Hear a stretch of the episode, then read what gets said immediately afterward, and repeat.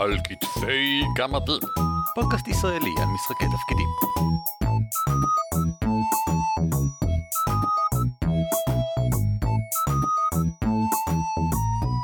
שלום, וברוכים הבאים לפרק 135 של על כתפי גמדים, פודקאסט ישראלי שעוסק במשחקי תפקידים, שמי הוא ערן אבירם. נעים מאוד, אני אורי ליפשיץ. והפעם אנחנו מדברים על אמצעי תחבורה ותחבורתיות ככלל. כבר עשינו פעם פרק על אה, מרחקים ומסעות, פרק 47. פרק 47. שהיה פרק מצוין, יש כמובן קישור בהערות של הפרק הזה אם אתם רוצים לשמוע אותו שוב פעם, ואני ממליץ כי אני חושב שהוא היה מאוד מעניין. וחלק מהדברים שנדבר עליהם היום הם אה, המשך רוחני ופיתוח של אה, אותו פרק, אם כי נתחיל באמת בנושא שעליו אנחנו מדברים, אמצעי תחבורה, ורק אחר כך אני ארשה לעצמי לזלוג קצת לדברים נוספים שיש להרחיב לגבי מסעות בכלל. אז למה אנחנו סתם אה, מתברברים? הרי זה בדיוק ההפך מלהגיע לאיפה שאתה רוצה להגיע. אה? אה, אני רואה מה עשית שם, אני רואה מה עשית שם. בוא נתחיל. אז ככה, אמצעי תחבורה הם בעינינו אחד מהדברים המעניינים פוטנציאלית בכל משחק תפקידים. אה, דווקא בגלל שאנחנו נוטים להתעלם מהם ולשכוח מהם, והם הופכים לסוג של ברור ומובן מאליו. אני רוצה להגיד בדיוק את ההפך ממה שאמרת כבר עכשיו. אמצעי התחבורה הם הדברים הפוטנציאלית משעממים. איזה יופי. שיש לנו בהרפתקאות, ולכן שווה להתעכב עליהם ולחשוב רגע על איך אפשר לעשות את זה מעניין, כיפי, מגניב. במקום לעשות אחד משני הדברים שבדרך כלל קורים, שהם או א', אה, טוב, נו, הגענו. כן. פשוט לעשות פסט פורד לכל העניין, או ב', להתחיל להיות טרחני לגבי זה. טוב, אנחנו קונים אוטו כדי להגיע לשם. איזה אוטו? חיפושית. טוב, חיפושית עולה 4,572 אשריונים קיסריים, ולכם יש רק 4,057 אשריונים דוקטים של הקיסרות מגניס, ולכן שער ההמרה הוא 1.5, ואימא שלכם אותי. בוא נתחיל אז נתחיל לתת סקירה אני חושב פשוט של אמצעי תחבורה מכל סוג שאנחנו יכולים לעלות על הדעת אמ, כמין אמ, הצעת הגשה של כל מיני דברים שאפשר אולי לעשות איתם שהם מעניינים. כן מה שעשינו מה שעשינו לפני תחילת הפרק זה לשבת ולעשות רשימה של כל הדברים שאנחנו. אה, השתמשנו בהם ככלי תחבורה במשחקים שאנחנו שיחקנו, ואז מחקנו את רוב הדברים שהיו דומים מדי או שאיחדנו אותם לקטגוריות אה, נפרדות. אז, אז בואו פשוט נעבור על הרשימה רגע, ואני מקווה שכבר עכשיו חלק מהדברים האלה, מעצם העובדה שאנחנו מדברים על אמצעי תחבורה כלשהו, ייתן לכם, המאזינים שלנו, רעיון למשהו מגניב שאפשר לעשות בעולם המערכה שלכם. אז בואו נתחיל עם uh, אמצעים ביבשה, והראשון זה הרגליים שלנו, uh, הליכה. אפשר ללכת ממקום למקום. יופי, אני שמח, איזה פרק מעניין זה בינתיים. אבל אפשר גם לרכב על משהו. כן, ואנחנו נרחיב על יצורים uh, בהמשך. Um, אפשר גם לקחת כרכרה, ופה דברים מתחילים להיות יותר מורכבים, כי מהרגע שאנחנו לוקחים כרכרה, um, האמת שזה כבר נכון גם לגבי um, רכיבה, ישנו הבדל אני חושב שמתחיל לבצר כאן בין לסחוב אנשים לבין לסחוב מטען. כי בגדול כלי תחבורה מתחלקים לשניים אולי שלושה סוגים בעצם, כאלה שסוחבים אנשים, כאלה שסוחבים מטען וכאלה שמטרתם היא קרבית. ומהרגע שאנחנו מגיעים כבר למשהו כמו כרכרה, מישהו השקיע הרבה כסף בלבנות אותה, ויש מטרה מאחוריה. לא כל כרכרה משמשת לכל דבר. ואם אני משתמש בכרכרת אה, נוסעים כדי להעביר אה, בעיקר מטען, המטען הזה לא יאובטח כמו שצריך למשל, או שאולי יש סיכוי יותר גבוה שיבזזו אותה בגלל שזה כרכרת נוסעים, ובעולם ימי ביניימי לבזוז כרכרות נוסעים, אה, אני חושב שזה עדיף על כרכרות מטען, בגלל שכרכרות מטען זה בדרך כלל איכרים, וכרכרות נוסעים זה בדרך כלל אנשים עשירים, ויש עליהם הרבה כסף ודברים כאלה. אז זה מושך יותר קהל, כל מיני דברים שכאלה ששווה לשקול אני חושב. ברגע שיש כלי רכב מישהו בנה אותו לשימוש מסוים, וזה שאנחנו עושים בשימוש כרגע לאו דווקא תואם לאותו דבר. אה, אני הייתי מסתכל על זה קצת אחרת, אבל בהחלט אפשר לעשות פה חלוקה לכלי הרכב שלכם, האמצע, סליחה, אמצעי התחבורה שלכם, כנראה נועד למטרה ספציפית. ואין דבר יותר נחמד בעיניי כמנחה מאשר לא להשתמש בו למטרה שלשמה הוא יועד. כי אנחנו יוצאים מנקודת הנחה שבהרבה מקרים ההרפתקה צצה לפתע. לא התכוננתם בהכרח להרפתקה או לקשיים הספציפיים של ההרפתקה הנוכחית. ולכן זה, זה ממש נחמד, אה, תחשבו על כל הסרטים שראיתם, אה, להילחם נגד טנקים כשאתה באוטובוס. או לנסות אה, לברוח משדה התעופה שוקק האנשים והתפוצצויות עם אחד מהדרגנועים הממונעים האלה, עם כל הבני ערובה שהצלת מאחור על המדרגות ואתה נוסע ומנסה לברוח. זה נחמד, זה, זה משדרג את הדברים. ותראה איך רק בעצם זה ששינינו את אמצעי התחבורה, כבר הפכנו את כל הסיטואציה להרבה יותר מעניינת, כי זה לא הכלי המתאים. אמ, עוד הצעה מעניינת שאתה רשמת פה ובחיים לא הייתי חושב עליה בעצמי זה שיירת סוחרים. ושיירת סוחרים זה בעצם זה תלוי בתקופה אבל מורכב או מאוסף של אני מדמיין כמובן גמלים או אוסף של רכבים. הקטע עם שיירת סוחרים זה שככלי תחבורה הוא א' איטי אבל ב' הוא חוויה בפני עצמו. זה אולי מורכב מכלים פרטניים, אבל אתה נע כחלק מהשיירה. יש מערכת יחסים בין אנשים שונים בתוך השיירה. יש תפקידים, יש את השומרים, יש את האחראים, יש את אלה שבונים את המאהל כל ערב או דברים שכאלה. שיירת סוחרים היא כמו אה, עיר קטנה שניידת ממקום למקום, ואני חושב שזה ממש חמוד. אה, בהקשר הזה אני גם שם רכבת יחד עם שיירת סוחרים, כי זה אותו... מה המילה שאני מחפש? זה אוכלוסייה נאה. אוקיי. זה אמצעי התחבורה מחייב סוג של אה, אתיקט והתנהגויות בין אנשים. אני אגיד שזה אפילו יותר דומה, בגלל שגם רכבת וגם שיירת סוחרים נעים בדרך כלל באותם מסלולים קבועים. שיירת סוחרים לא אה, חוקרת מסלולים חדשים, היא בדרך כלל משתמשת באותו נתיב מוכר וידוע, ממש כמו רכבת. ולכן השודדים גם יודעים איפה לחפש אותם. בוודאי, אה, כמובן. אבל מצד שני, יש את השילוב המאוד מעניין הזה. ברכבת בהחלט, דיברת קודם על, על שילובים של דברים. רכבת זה, זה מבחינתי תמיד עולם יפהפה. כי יש לך נוסעים, יש לך מטען, יש לך... כל קרון יכול להיות עולם ומלואו. ועדיין מחובר בהכרח לעולמות אחרים מהצדדים. כן, כן, הכל מחובר. אני, אני חושב על הפרק בפיירפליי, שהם צריכים לשדוד רכבת, ויש קרון אחד מלא בש... באנשי uh, צבא. וקרון אחר שהוא מלא מטען יקר, קרון אחר שהוא מלא נוסעים תמימים. אוסף שהתקלויות אחת ליד השנייה מחכות לשחקנים. כן, ו- וכל ההרפתקה זה הרכבת, זה נהדר.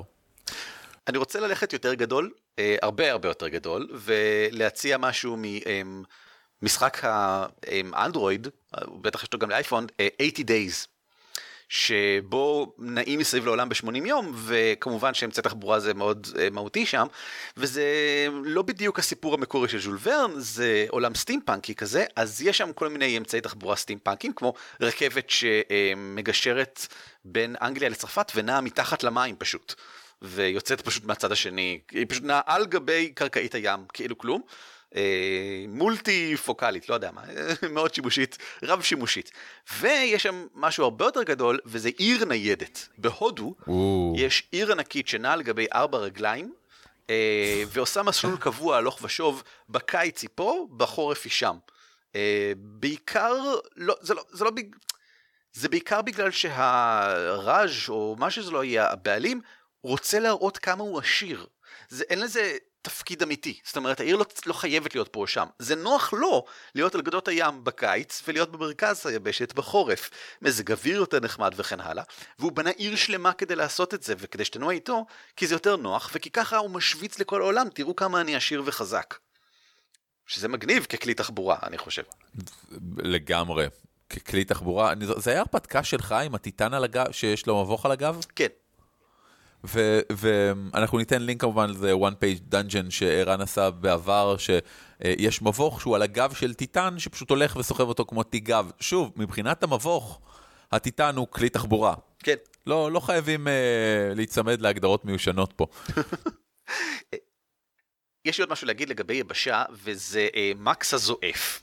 בסרטי. מקס הזועף, אה, לתחבורה יש מלא מלא תפקיד. אני, אנחנו נדבר על זה אחר כך, אבל אני חושב שראוי להתייחס כבר עכשיו לרעיון של אה, כלי תחבורה בתור הורד, בתור אה, אה, שבט ברברי, שלא הוא הסכנה, אלא כלי התחבורה שלו הם הסכנה באיזשהו מקום. הם, כלים שהם חלק ממי שאתה ומה שאתה באופן כל כך הדוק, שלהיות נהג זה מה שאתה.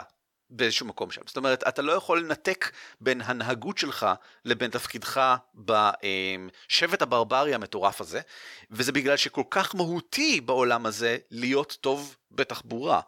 אמ, האם אם זה רציונלי או לא זה לא משנה אנחנו לא זה הנחת המוצא של הז'אנר אנחנו לא נרחיב עכשיו לגבי האם זה הגיוני או לא אבל אני גם אוהב שכדי שיהיה הצדקה לעניין הזה העולם עצמו בעולם המערכה חייב להיות שונה.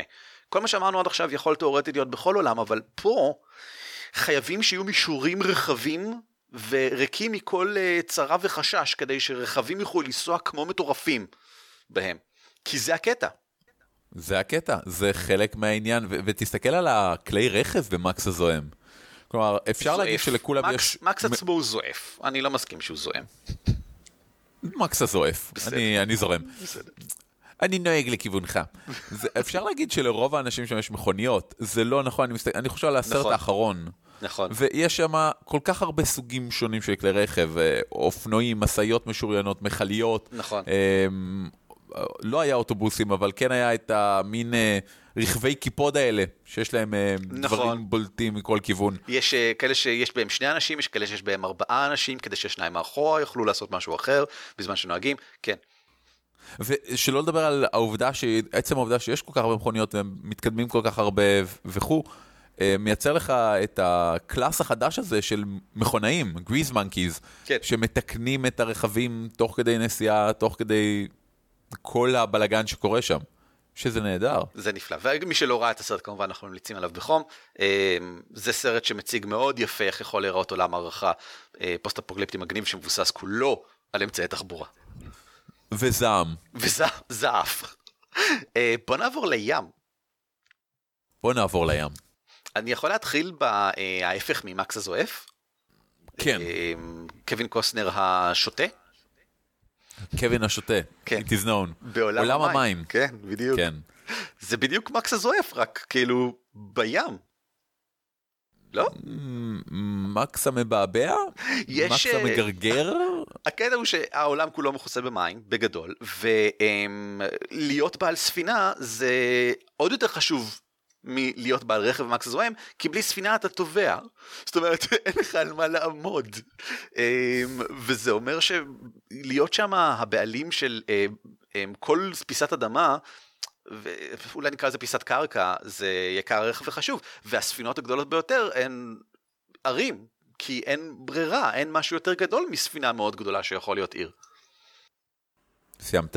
כן. סיימת או שאתה רוצה לדבר עוד על הים? לא, לא, זה- על העובדה שיש מגוון מגוחך של ספינות בכמות מגוחכת של גדלים. זה נכון. אני- אני חושב על ה- הסדרת האנימה המצוינת בלק לגון, שרוב הסדרה מתרחשת על ספינת אה, סטילים? ספינת טורפדואים כזאת קטנה. ש- וואלה. ש- זה נהדר פשוט, והספינות הולכות וגדלות ב- בכל מיני דברים, עד שאנחנו מגיעים לדברים הבאמת ענקיים, דיברנו על מכליות עכשיו בעולם המים, מים אה, נושאות מטוסים, כן. נושאת מטוסים בימינו מכילה עליה צוות של 5,000 איש, זה מדהים. זה, זה לגמרי נכנס להגדרה שלך של עיר קטנה שפשוט זזה ממקום למקום. יש, האם אני זוכר נכון, יש נוסעות מטוסים שיש אליהן שלושה קולנועים מרוב אה, כמה שזאת באמת עיר קטנה. ואני רוצה לציין כאן, כי אה, זה בדיוק היום שמעתי את זה, פרק של אה, רן לוי, עושים היסטוריה, על הדרדנוט, אה, ספינת המערכה שכנראה שינתה את עולם הספנות בכלל בתחילת המאה ה-20, והוא מציין שם, למשל, איזה מגוון רחב של ספינות יש בכל צי, או אולי יותר נכון להגיד, היה בכל צי.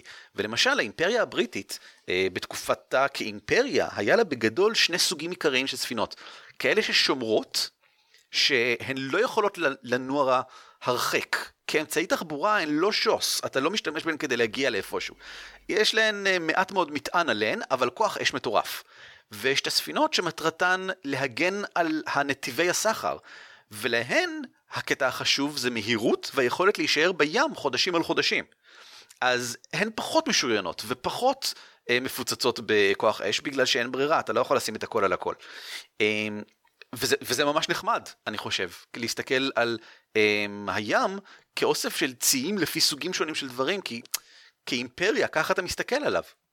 אני, זה מפתיע, כי גם לי היה שני אה, שיחות נורא מעניינות על אה, אה, ספינות וספינות מלחמה בשבוע האחרון, ואחד מהדברים שדיברתי עליהם, יחד עם העובדה שיש נושאות מטוסים כל כך גדול, זה שנושאת מטוסים, בגלל שהיא נכס אסטרטגי כל כך אה, חשוב ומהותי, ואתם יודעים, בשורה התחתונה כשעושים בחור היא טובעת, כי היא גוש מתכת גדול על מים, אז נושאת מטוסים אף פעם לא מסתובבת לבד. נכון. נושאת מטוסים יש לפחות מינימום של שבעה ספינות אחרות מסביב, שדואגות שאף מטוס, טיל, טורפדו או צוללת לא יתקרב אליה. וזה גם משהו ששווה לחשוב עליו. דברים נוראים לא באים לבד. ותחשבו על זה טיפה בהקשר של אה, וואלה. כשיש דרקון שמתקרב לעיר, mm. רוב הסיכויים שיש כמה וויברנים מסביב, או משהו מדאיג באותה מידה, שרק מתפעל את הדברים מסביב. זה הגיוני, הבוס הגדול יש את הבוסים, ה... לא בוסים, בוס, מיני בוסים. ואנחנו בכלל עוד לא התחלנו לדבר על צוללות. Don't get me started on submarines. זהו, זה, זה לשבור את הכלים ולא משחקים של הים, כי זה לא הוגן. לשקוע מתחת למים זה לא הוגן, אני חושב, בים. אה, אבל זה מדהים. במיוחד בעולמות מערכה, אני אישית לא כל כך מתחבר מתחת למים, אבל ישנם עולמות מערכה שזה הקטע שלהם. בלו פלנט זה עולם מערכה שמתרחש כולו בפלנטה, שבני אדם כבשו... שהיא כחולה. היא, היא, היא כולה מימית, ויש שם דולפינים תבונים וכן הלאה, וחלק מאוד גדול ממנה מתרחש מתחת לפני המים. ואני חושב שכבר ציינו בעבר שמתחת לפני המים יש אוסף מאוד מרשים של תווי שטח אפשריים, אה, וזה מקום מאוד מעניין פוטנציאלית לשחק בו, וצוללת זה הכלי הבסיסי כמובן של להגיע לשם. אה, לתוך המרחב הזה בכלל, כדי שתוכל להסתובב בו כמו שצריך. אה, בעולמות בלי קסם, להיות מתחת למים זה סיפור מהתחת. בעולם עם קסם, אמ, יש את הלחש דרג 3 ב-D&D, לא נשימת מים ותנועה חופשית, איך שלא קוראים לזה, שמאפשר לך לנוע מתחת למים כאילו אתה מעל המים, ולנשום מתחת למים כאילו אתה מעל המים, אז באיזשהו מקום אתה לא צריך צוללת, אתה יכול לקחת סוס עם הלחשים האלה ולרכב איתו מתחת למים. שזה חמוד ומצחיק, אבל um, זה לא שונה מפשוט סוס מעל המים. point, כן. כן. Uh, ובגדול, כמו שראינו כולנו בסטאר וורס אפיסוד 1, why not both? כשבא כוכב שקר כלשהו, יש לך גם את כל הממלכה מעל המים וגם את כל הממלכה מתחת למים, ואתה יכול לעבור שם פשוט עם דבר קטן בפה, כמו הג'דאיז, או עם צוללת, כמו התושבים המקומיים שבטח יש להם, כן, כן כמו הג'דאי אחר כך. כן. בסדר גמור. בוא נעזוב את הים, הים מטופש. מה? בואו נדבר על האוויר. איפה שספינות אוויר יכולות לרחף בכוח קסם. באיזשהו מקום יש קשר בין ים ואוויר, בגלל שבשני המקרים מדובר באיזשהו אמ, כלי שנע בתוך מדיום.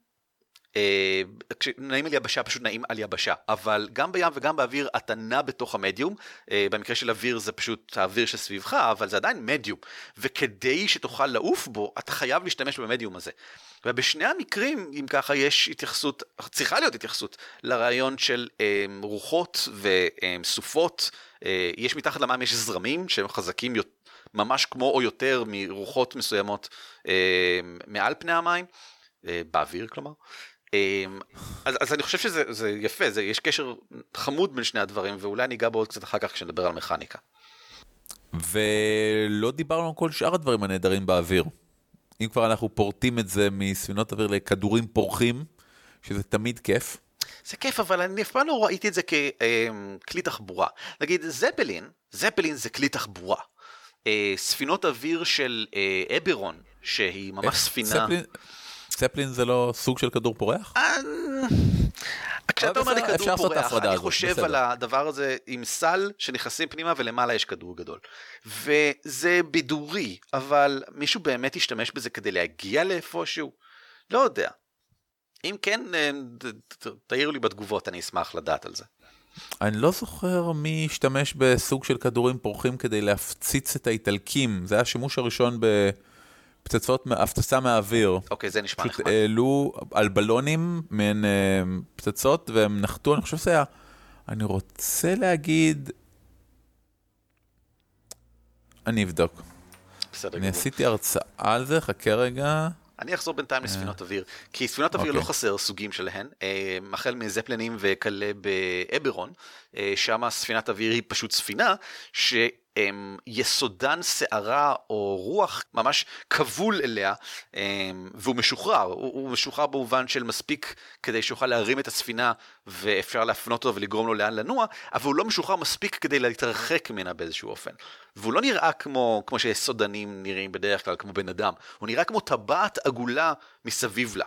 שזה אני מאוד אוהב כי זה גם נותן לה תחושה של כלי תחבורה ייחודי, זה לא נראה כמו כל ספינת אוויר אחרת, זה לא נראה כמו זפלין, זה לא נראה כמו מטוס, זה נראה כמו סירה עם טבעת סביבה, וזה מוזר ומעניין. אה, וזה גן מאוד אבוקטיבי, זה, אתה רואה את זה, אתה מיד מדמיין את הברקים מתפוצצים ואת ה, איך היסודן רועם וגועש כשמכוונים אותו, אה, וזה ממש מגניב. זה אכן ממש מגניב, אני זוכר את זה מאוד בחיבה, הרבה דברים באברון היו מאוד uh, awesome inspiring. מה, מה שרציתי להגיד קודם, אגב, מלחמת העצמאות של, ה, של איטליה, וואלה. הראשונה, אה, היה הפעם הראשונה שהשתמשו בהפצצה מהאוויר, לקחו בלונים, בלונים לא מאוישים, עם פצצות עליהם, פשוט אה, האוסטרים הפריחו אותם וחיכו שהרוח תדע אותם הצידה, והפצצות פשוט נפלו על ונציה. זה מגניב. זה עשה אפס נזק. אני מתאר לעצמי. אפס אחוזים של נזק, ויומיים לאחר מכן האיטלקים נכנעו. בוונציה. מהסיבה הפשוטה שכאילו, what the fuck? מה הרגע קרה כאן? מה קרה כאן? רגע, יש בלונים, רגע, הדברים מתפוצצים. אני לא יודע מה הם עושים, אבל הם אוסטרים ואני מפחד. אה, יש כמובן מטוסים. אם אנחנו מדברים על אמצעי תחבורה באוויר, וגם מטוסים מתחלקים להמון המון סוגים, המון. בדומה לספינות, כן, המון המון סוגים של מטוסים. להגיד מטוסים זה אמירה מאוד גסה ולא יפה, אה, ואני רוצה לחזור לדיבורים כבר מקודם, שציינתי בכרכרה, על החשיבות העצומה של המטרה שעבורה נוצר המטוס. ליצור מטוס זה השקעה כספית מטורפת, אף אחד לא סתם עושה מטוס. יש לו איזושהי מטרה יהודית, והמטרה הזאת היא, היא קריטית אה, לגבי איך שאתה משתמש בו. כי אם אני משתמש במטוס פרופלור קטן, אה, מהסוג הזה שנדמיין באינדיאנה ג'ונס, שמפעים איתה מעל אה, לא יודע מה, יש לו טווח מסוים. אני לא יכול לעשות איתו מסע עכשיו של 3,000 אה, קילומטר. אני יכול להגיע איתו לעיר אחרת, וזהו, לא רק שנגמר לו הדלק, גם המכשור שעליו פשוט לא חזק מספיק כדי להתמודד עם גבהים מסוימים. והוא לא יכול להתמודד עם לחץ מסוים, לחץ אוויר מעל גובה מסוים. ויש רוחות מסוימות שאיתנו לא יודע, הוא פשוט ייפול עליהן. וצריך לעשות לו תחזוקה כל 50 אה, אלף אה, קילומטר אוויריים או משהו, אני לא יודע מה. למה לא צריך לעשות תחזוקה כל 50 אלף קילומטר אוויריים? להכל, אבל ישנם דברים כמו, אה, לא יודע מה, מטוסי הרקולס עצומים של הצבא, שאתה מדמיין ש... בוודאי עושה להם תחזוקה עם כל המראה ונחיתה, אבל הם יחזיקו מעמד לפחות שלוש שמרות נחיתות גם בלי. המטוס הזה אני לא בטוח, זאת אומרת, זה ממש קריטי כשאתה בא למטוסים, אה, הסוג והמהו ומה עבר עליו בחייו. אני מאוד אוהב את השמות שהם תמיד נותנים למטוסים הענקיים האלה. זה תמיד מעניין, אה, יש, אה, הזכרת את ההרקולס, הפעם האחרונה שמעתי על מטוס ענקי קראו לו סטאר ליפטר. וואלה. אמ, וכמובן יש את האפשרות של לעוף על גבי יצורים, אמ, לעוף על פגסוסים למשל, או כן, אבל אנחנו תכף ניתן אה, לגמרי, נדבר רק על יצורים אה, אחרים. אני כבר לא יכול לחכות. בסדר, מעל האוויר יש את החלל, אני חושב שנדבר על החלל. מעל האוויר יש את החלל. הסטרטוספירה, האטמוספירה וכדומה. אז חלליות, בוא קודם כל נגיד חלליות, יש המון חלליות, לא נדון חלליות, כל מה שאמרנו על ספינות ועל מטוסים ועל כלי רכב, נכון גם על חלליות. אני חושב שזה חמור עוד יותר, כי במדע בדיוני הרבה פעמים אוהבים לחקור את הרעיון של אה, איך מבצעים באמת את התחבורה עצמה, וזה משפיע המון על עולם המערכה. כאילו זה משפיע עליו בקנה מידה של ייתכן שעולם המערכה הזה מאופיין על ידי צורת התחבורה של החלליות שלו. וזה מה שמבדיל אותם מעולמות אחרים, וזה יוצר לו אופי משלו. ואני אתן דוגמאות. אמ, דבר ראשון, יש הבדל עצום בין מסע מעל מהירות האור ומסע מתחת למהירות האור. כי מסע מתחת למהירות האור, מוזר ומעניין ככל שיהיה מסע בחלל, והוא אכן מוזר, הוא בסך הכל... אמ, אתם יודעים מה? אני אמליץ לכם על Kerbal Space Program. הנה, הנה אני יכול לתת המלצה. זה משחק מחשב, אה, שאפשר למצוא אותו ב Steam, הוא תמיד די יקר, אבל עוד מעט יש הנחות ב Steam אז תוכלו לקנות אותו ביחסית בזול. Kerbal Space Program, שבו בונים shuttles וכל מיני דברים. אה, לא, אה, הכל, הכל, כל מה שנוגע לחלל. ומנסים להגיע לחלל. ולהנחית אנשים על פלנטות אחרות וכל מיני דברים שכאלה. והוא מראה לך יפה את כמה שונה להסתכל על אה, מסע בחלל לעומת מסע על גבי אה, כדור הארץ, אה, בגלל שחוסר הכבידה משפיע באופן עצום. אה, העובדה שאין חיכוך משפיע באופן עצום, ועצם נוכחותם של גופים בחלל זה עצום. זאת אומרת, ייתכן למשל שמסע בחלל עדיף לך לעשות, לפנות לכיוון ההפוך מהכיוון שאליו אתה רוצה להגיע, כדי שתוכל לעשות slingshot מאחורי פלנטה כלשהי, לנצל את הכבידה שלה כדי להאיץ, וזה יחזיר אותך חזרה לכיוון שאליו כן רצית, וייתכן שזה חותך לך חודשים מהמסע. כי אם סתם היית מתחיל לנוע לכיוון ההוא, היה לוקח לך פחות זמן מאשר אם אתה נע לכיוון ההפוך.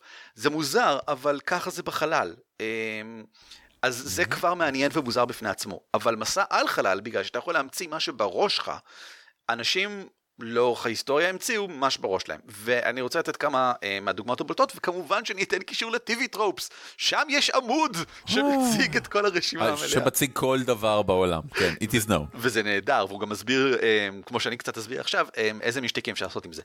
אז דבר ראשון הכי קלאסי זה hyperspace, כמו, אה, כמו במלחמת הכוכבים, או כמו בסטארטרק, במסע בין כוכבים.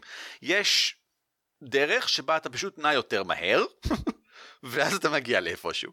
ואפשר, בסטארטרק למשל, זה באמת סתם נע יותר מהר. זאת אומרת, מהרגע שנכנסת לוורפ, אם חלית אחרת מגיעה, היא יכולה להשוות מהירות איתך, ואז אתם יכולים להיות אחד ליד השני. או, אפשר נכון. אפילו תאורטית לגעת זה בזה בזמן וורפ. זה כאילו מאוד מסוכן וכן הלאה, אבל זה לא שונה בשום צורה מהותית מפשוט לנוע מאוד מאוד מהר. לעומת זאת, בסטאר וורס, עד כמה שאני יודע, זה לא כך.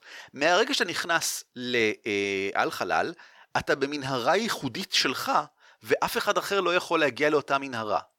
כל פעם שמישהו נכנס לעל חלל, הוא נכנס למנהרה משלו. מה שאומר שאתה בתכלס מנותק משאר העולם אה, עד שתצא החוצה. וזה מעניין, אי אפשר לתפוס אותך בדרך למשל, אין, אין שום סיכוי. חייבים להתמודד איתך כשתגיע לאיפה שתגיע, למשל. אה, מצד שני, זה גם אומר שאפשר לרדוף אחריך יותר טוב אולי. כי כשאתה נכנס לתוך המנהרה, אתה תצא איפשהו. ואפשר לדעת כבר מנקודת הכניסה איפה אתה תצא. אם אתה מספיק טוב באסטרוגיישן, אם מי שבודק את הנקודת כניסה יכול לראות מה עשית. יש התייחסות נהדרת לזה ב-Old Man War, מלחמת האדם הזקן של סבבה. אה, ג'ון סקלזי, שבאמת משחק נורא יפה על איך תעבור, תחבורה בחלל עושה ומה... ויש שם משחק מאוד יפה על הרעיון של זה של מה קורה כשמישהו פתאום מפתח את הטכנולוגיה המדהימה של אה, לגלות מתי מישהו יוצא מ hyperspace. זה מהותי ממש בטירוף, כי הדברים האלה הם, הם קריטיים כשמדברים הם על... Game על חלל. Changers, כן, כמו המצאת הרדאר פתאום. זה בדיוק כמו המצאת הרדאר. ויש עוד אלמנטים שרלוונטיים לזה שלא קשורים ספציפית ל- ל- לתנועה עצמה. למשל, כמה זמן לוקח לי להתחיל להניע. בסטאר וורס אני צריך לעשות, בגלל הקטע של המנהרה הזאת, אני צריך לעשות חישובים די מורכבים, וייתכן שייקח כמה סיבובי קרב לצורך העניין, עד שאוכל לסיים אותם ולהיכנס לעל חלל. בסטארטרק, לוחצים על כפתור ונכנסים מיד ל warp. זה לא, אתה לא צריך לעשות כלום. אתה צריך ללחוץ על כפתור. אתה צריך ללחוץ על כפתור, נכון. יופי, תודה. מה, אתה גורם לזה להישמע קל, אתה יודע כמה אנשים עובדים שם ב engineering, day in, day out, בשביל שאתה תוכל ללחוץ על כפתור? בבטלסטאר גלקטיקה צריך אה, להטעין את מנועי הקפיצה. הבעיה היא לא החישוב, הבעיה היא שמנועי הקפיצה עצמם דורשים התנעה של כמה רגעים. אה, אז אם אתה רוצה לקפוץ בעוד חצי דקה, אתה צריך לדעת לא, את זה לא, לא. עכשיו. אתה, אתה מתבלבל עם בבלון 5, יקירי. בבטלסטאר גלקטיקה, מה שיפה שם, זה שמישהו צריך לשבת כמו בצוללת and to plot a course ולחשב ולברר. וזה לא מדע מדויק, זה אחד מהדברים היותר יפים בבטלסטאר גלקטיקה. אז מעולה, כי אני, אתה צודק, אני דיברתי על אה, משחק הלוח של בטלסטאר גלקטיקה, שבו צריך להמתין עד לקפיצה הבאה, ולכן חשבתי שאתה צריך, אה, שזה בגלל המנועים. יפה, נחמד מאוד. אמ, אז יש המון אלמנטים שמשפיעים על הדבר הזה, אבל יש אפילו יותר. למשל, אמ, בעולם של אה, טרבלר, אמ, מסע חלל, אם אני זוכר נכון, ייתכן שמה שאני אומר כאן הוא לא נכון, אבל אני זוכר את העיקרון הבסיסי. מסע חלל תמיד לוקח שבוע בשביל מי שבתוך הספינה, ולא משנה כמה זמן עבר מחוץ לספינה. לא חשוב אה, מה המרחק שנעים. זאת אומרת, אם אתה אה, יוצא מצד אחד של הגלקסיה לצד השני, אתה יכול לעשות את זה בקפיצה אחת, וזה ייקח לך שבוע. ואם אתה נוסע ממערכת השמש הזאתי למערכת השמש שלידינו, זה אתה יכול לעשות את זה בקפיצה אחת, וייקח לך שבוע. ותמיד לוקח שבוע במישור העל חלל.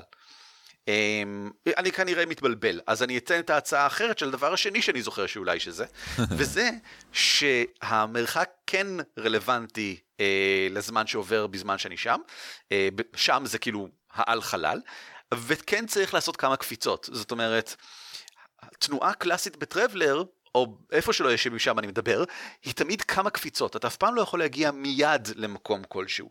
אתה חייב לעשות את זה במסלול די מורכב, אה, שדורש ממך לפעמים אולי אפילו לעצור לכמה ימים, לאו דווקא כדי לעשות חישובים, אולי כדי שהתנאים יתאימו, כדי שתוכל לעשות קפיצה מחודשת. וואו, ויש עוד- כמה זמן דיברנו על החלל. רגע, יש עוד כמה שיקולים שאני רוצה לזרוק לפני לא. שמסיימים. אה, כי כל השיקולים שאנחנו רואים עכשיו יכולים להיות רלוונטי גם עבור אה, שימוש בקסם לתנועה מהירה. אז לכן אני חושב שזה יכול לעניין כל מיני אנשים. הדבר אה, הבא שאני רוצה לציין זה המרחק ממסה, זה משהו שהיה רלוונטי אצל אסימוב. אסימוב היה לו מנוע שמאפשר קפיצה מיידית לכל מקום שאתה רק רוצה ביקום, אבל אתה חייב להיות מאוד מאוד רחוק משמש, מכל מסה גדולה. אתה לא יכול לעשות את זה על פני שטח של פלנטה, כי זה קרוב מדי, אבל אתה גם לא יכול לעשות את זה מסביב לפלנטה, כי זה קרוב מדי לשמש. השמש כבדה מדי עדיין. אתה חייב להתרחק לקצה מערכת השמש ולעשות את זה משם. אז למרות שאתה יכול מיד להגיע לכל מערכת שמש אחרת, תמיד ישנו מסע של שלושה ארבעה ימים לקצה מערכת השמש, ואז שוב מסע של שלושה ארבעה ימים למרכז מערכת שמ- השמש במקום שאליו הגעת.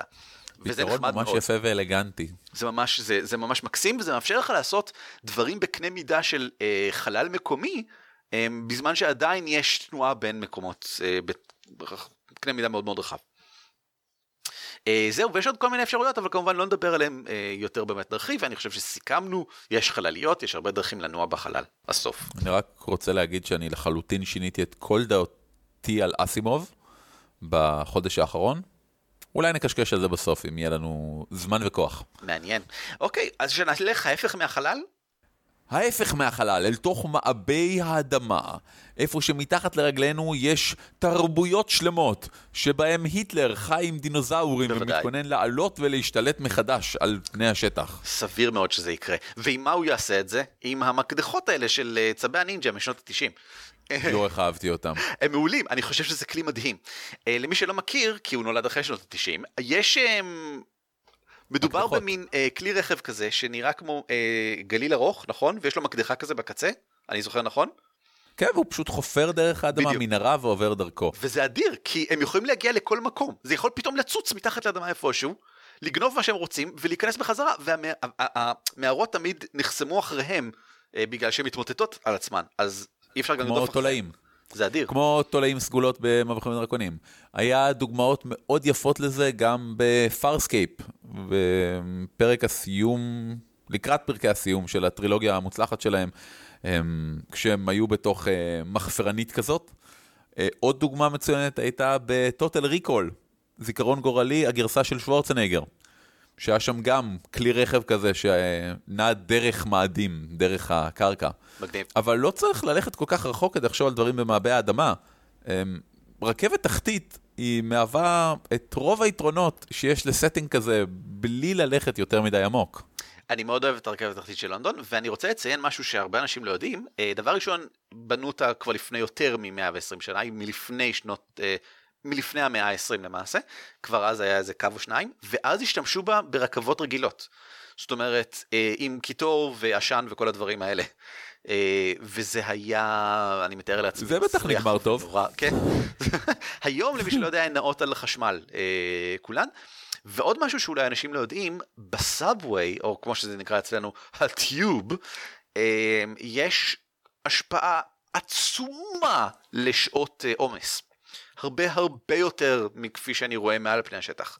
אם אתם חושבים שהפקקים בתל אביב בשעות עומס בבוקר ובערב זה איום ונורא, אז תארו לעצמכם שאתם צריכים אה, להיות באותו מרחב עם עוד משהו כמו בערך מיליון איש, ולא ברכב משלכם. כי כולם נכנסים לתוך הטיוב ועומדים אחד ליד השני, אתה לא ברכב משלך תקוע בפקק. עולים עליך ואתה נתקע דרך, וזה בעיה.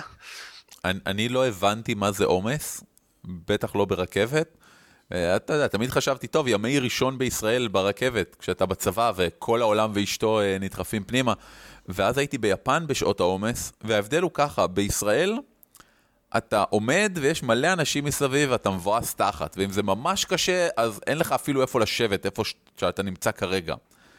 ביפן, בשעת העומס, אתה לא מצליח להרים את הידיים. כלומר, זה עד כדי כך פשוט, אתה עומד ואנשים דחוסים אליך ככה שאתה לא יכול להרים את הידיים שלך מעל הראש. כן, זה די דומה כאן.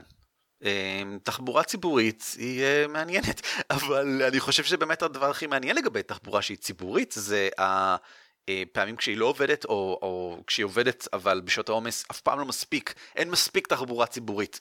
אה, זה, זה מעניין, אלה דברים שאפשר להשתמש בהם בסצנות עירוניות. ולהפך, יש מעט מאוד דברים שהם יותר מעניינים ומפחידים, ושוב, רואים את זה בהמון סרטים, מאשר לדוגמה סאבווי ריק. כשאתה הנוסע היחידי. כן, זה באמת אתה קצת הגיבור. מפחיד. נכון. אה, גם קרה לי פעם אחת בברלין, ופשוט אתה לבד בכל הפלטפורמה, פתאום עולה ארבע- היטלר. כן. כן, על דינוזאור, דינוזאור. כזה מציץ החוצה, צועק עליך משהו, אתה רוצה לענות לו, כי אתה אומר, וואו, fucking shit, היטלר על דינוזאור. אבל אז אתה פשוט לא מבין מה הוא רוצה, כי הוא מדבר בגרמנית, ובניב מיושן, וכל מה שאתה יודע זה eine zwei Bier danke, היה נורא מביך, הקיצור. אוקיי, בוא. נעבור למשהו אחר לגמרי, בוא נעבור למסעות בין מישוריים. אה, בין יש מעט מאוד להגיד. על זה, האמת, בגלל שאין דבר כזה באמת, אז אפשר להמציא מה שרוצים, ובדרך כלל ממציאים משהו שאו שהוא דומה באיזושהי צורה למסע על חללי, אנחנו נכנסים לתוך מנהרת חלל בין המישורים, או למשהו שהוא אה, מחכה בדרך כלל אה, שקיעה בים, זאת אומרת, בדרך כלל יש מין גלים ונסחפים בעולם, במרחב שבין המישורים עד שמצליחים לצאת בצד השני, או שזה מיידי. אה, אני נכנס דרך הדלת הזאתי ואני יוצא מיד בעולם אחר, whatever. מה שאני אוהב במסע בין מישורי, זה שיהיה כלי הרכב אשר יהיה, ייתכן שמדובר בעולם מערכה, או עולמות מערכה במקרה הזה, שהמעבר ביניהם אינו קבוע, לא בדיוק אותו דבר. זאת אומרת, אפשר לדמיין, ואני חושב שאני אומר את זה על בסיס ספר שקראתי פעם, שבו כדי לעבור מעולם לעולם צריך לעשות תנאים שונים בכל פעם. אתה חייב להשתמש ברכב שלך, כלי הרכב המסוים שלך צריך אה, להיות מסוגל להיכנס מתחת למים וגם אה, זורם מתחת לאדמה וגם להיות גבוה באוויר. אתה צריך משהו מאוד מגוון בגלל שיש תנאים שונים בכל פעם שעוברים בין עולם אה, וגם לך תדע לאיזה עולם אתה מגיע. אז חייב להיות לך משהו שהוא כלי על רכב, כאילו על הכי טוב או משהו. הספר שאני קורא עכשיו, ואני לא אזכיר את שמו, כי, הוא- כי מה שאני אגיד עכשיו הוא ספוילר, אה, חלק מהותי בו זה שכלי רכב, אפילו נלך ונרחיב, אה, תחנת חלל of sorts, עוברת בין מישורים. וזה יפהפה, כי זה ספר science fiction hardcore, שמדבר על איך בעצם כלי רכב שעובר בין מישורים ותוכנן במקור למסע בחלל, ייראה, ואיך הוא יוכל להכיל גזעים שונים ממישורים שונים, וזה פשוט יפהפה. לראות את כל ההסברים של איך הפסודו-מדע מאחורי זה. טוב, אתה תגיד לי אחר כך מה זה, ואני ארשום בהערות של הפרק איזה פרק, איזה ספר זה היה, ואני אשים את זה בתוך כזה ספוילר כזה, שתוכלו להיזהר אם אתם לא רוצים לקרוא. נשמע כמו לגמרי הדבר הנכון לעשות. אה, שיקול מאוד חשוב נוסף לגבי כלי תחבורה, ושונה מכל הדברים שאמרנו מקודם, זה אה, יצורים. אפשר להשתמש ביצורים בתור כלי תחבורה, אה, ובדרך כלל עושים את זה כשרוכבים עליהם, או בתוכם. הדוגמה הכי קלאסית כמובן היא סוס, אבל זה לא שחסרות חיות רכיבה. כל מי ששיחק World of Warcraft בימי חייו יודע שלא חסרים מאונטס, לא חסרים סוגים של חיות רכיבה שאפשר לרכב עליהם, אה, החל מ... אה, העניין שטיח מעופף, אם אנחנו רוצים ללכת קצת אה, הצידה, אבל גם דרך אה, קודו, שזה יצור מאוד חמוד ומגודל, אה, דמוי קרנף כזה, אה, ציפור דמוית יען מגודלת כזאת, צבעונית מאוד, ראם מאוד גדול וקשוח כזה שיש שם לגמדים, דוב אה, מלחמה שאפשר לרכב עליו, אה, צב מאוד חמוד שאפשר לרכב עליו, ועדיין הוא מאוד מהיר, זה צב אה, מהיר כזה. אה, אז כל הדברים האלה מאוד חמודים. אה, ואפשר להשתמש בכולם, זאת אומרת אף אחד לא אמר שדווקא סוסים זה מה שמשתמשים בו אצלכם, ואני חושב שזה די קלאסי לתת לכל גזע אה, בעולם פנטזיה או מדע בדיוני או whatever את חיית הרכיבה שלו. נחמד. אני חושב שזה חמוד. כן, אבל חשוב להגיד שמלבד סוסים, יש לנו גם את כל בעלי החיים הגדולים יותר, הלא כלי רכב אישי, ה- הממוטוס השעירות, הפילים של חניבל. סבבה. אמ, אה, זה כלי כל רכב. שמשמש גם ככלי אה, אה, מלחמה, כן, במקרה הזה.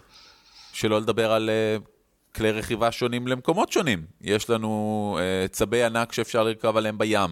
כן. יש לנו את הגמלים בשביל המדבריות, את העיזים בשביל ההרים וכן הלאה, שלא לדבר על הדברים המעופפים יותר, אה, רוק במפלצות המיתולוגיות של D&D, יש לנו אה, ספינות חיות בחלל, כמו בפארסקייפ. זה אחד מהדברים שאני הכי אוהב, אה, באמת, לנוע בתוך רכב. בפארסקייפ מדובר בספינה שהיא חיה, כמו שאתה אומר, זאת אומרת, ספינת חלל היא טכנולוגית והכל, אבל אה, זה כאילו סוג של יצור שהונדס בעצם, ויותר מאוחר גם כאילו יש אחרות וכל מיני דברים שכאלה, ויש זנים שלהם, והם מתרבים וכל מיני דברים שכאלה, ואתה נע בתוכן. ובמקרה הזה מדובר ביצור שנוצר כדי לעשות את זה, אבל ישנם גם, אני לפחות מדמיין, אה, תרבות תת-קרקעית שמשתמשת בתולעים סגולות, או איזשהו תולעים ענקיות כלשהן, אה, ומסממות אותן באיזשהו אופן כך שאפשר להיכנס לתוכן, לתוך איזשהו תא אה, בתוכן שלא תוכנן לכך מראש, אבל אתה אולי מגדל אותן כדי שיהיה לבן את התא הזה, אולי באופן אלים, או מסמם אותם באיזשהו משהו, או פשוט גורם להם לאכול אבנים גדולות, ואז יש להם אזור גדול בבטן שאפשר לשבת בתוכו, ואז אתה משתמש בהן כדי להגיע למקומות אחרים. כי אני לא כך רואה איך אתה יכול לרכב על מישהו מתחת לאדמה, אה, אז לרכב בתוך מישהו זה כל מה שנותר לך, כנ"ל אולי מתחת למים. אה, אני לא בטוח, אתה יכול... אה, כלומר, תחשוב על כרכרה, רק שבמקום שהיא רתומה לסוס, היא רתומה לתולעת סגולה שמפנה את הדרך לפניה. למשל. מעניין, אני אוהב, רעיון נחמד גם כן. מגניביישן, בואו נמשיך ישר הלאה. מה סבבה? זמננו ממש, וואו, אנחנו עפים אנחנו, קדימה. אני לא אעשה את המסע, אנחנו נדלג על עניין המסע, אנחנו נסיים את זה ונעשה את זה. בוא, בוא נעשה את זה, אולי זה הולך לפרק כפול. יש מצב. וכך אכן היה. כעת חדשות ועדכונים מהשבוע, והצטרפו אלינו בשבוע הבא לחלק ב'. בוא נדבר על מה הדמות שלך עושה במהלך מסעות. איזה דברים יכולים לקרות לדמות שלך תוך כדי מסע. איזה שאלות מעניינות אפשר לשאול לגבי כלי התחבורה שלך. מה הדאגות מיוחדות שעלולות לצוץ בזמן שאתה מנהל מסע, גם כמנחה וגם כשחקן, וכמה מחשבות מכניות לגבי דברים שכדאי לעשות במסע, עם מסע, לגבי כלי רכב ועם כלי רכב. זהו, תקשיבו לנו בשבוע הבא, יש הרבה דברים. החדשה הבולטת והחשובה ביותר היא שפתחנו אה, סוג של פטריון במימונה, רק שלא נקרא פטריון, אנחנו לא בטוחים איך קוראים לזה. קוראים לזה groupies, נכון? זה לא שם אנחנו, טוב. אנחנו לא משתמשים בשם הזה. אנחנו פתחנו פרויקט מימון במימונה, כן. סטייל פטריון, שאומר כל חודש, יש לנו כבר ארבע תומכים, נכון, למרות שהם קוראים לזה מנויים, כי, כי זה מנוי, כי זה, כי זה כל ש... חודש. והם עד עכשיו בסכום כללי של 35 שקלים. עכשיו, בינתיים הפטרון שלנו עדיין קיים גם כן, אה, ופטריונים, אנחנו נשמח אם תשקלו לעבור למימונה, כי המימונה הוא בעברית, והוא ישראלי, והוא בשקלים, וכל הדברים האלה מוצאים חן בינינו מאוד, אה, ואני חושב שימצאו חן גם בעיני אנשים אחרים, ואנחנו גם עומדים לפתח אותה קצת יותר. אה, זה לא כן. שנזנח כן. את הפטריונים, אבל אני חושב שהחל מהחודש, חודשיים הקרובים, נעשה יותר מכפי שעשינו מקודם, ואני לא רוצה להבטיח הבטחות כרגע. אמ, האמת זה בעיקר בגלל שהפלטפורמה הזאת יותר נוחה לנו, אה, הרבה יותר קלה, בעוד שפטריון בנוי סביב, אה, סביב אה, תמורות מאוד פרקטיות. פטריון אתה אומר, אוקיי, אני ברוב האופציות זה, אני אתן איקס כסף בתמורה לתוצר כלשהו עם מגבלה של איקס תוצרים בחודש. ו... במשהו כמו על כתפי גמדים, אין צורך בזה.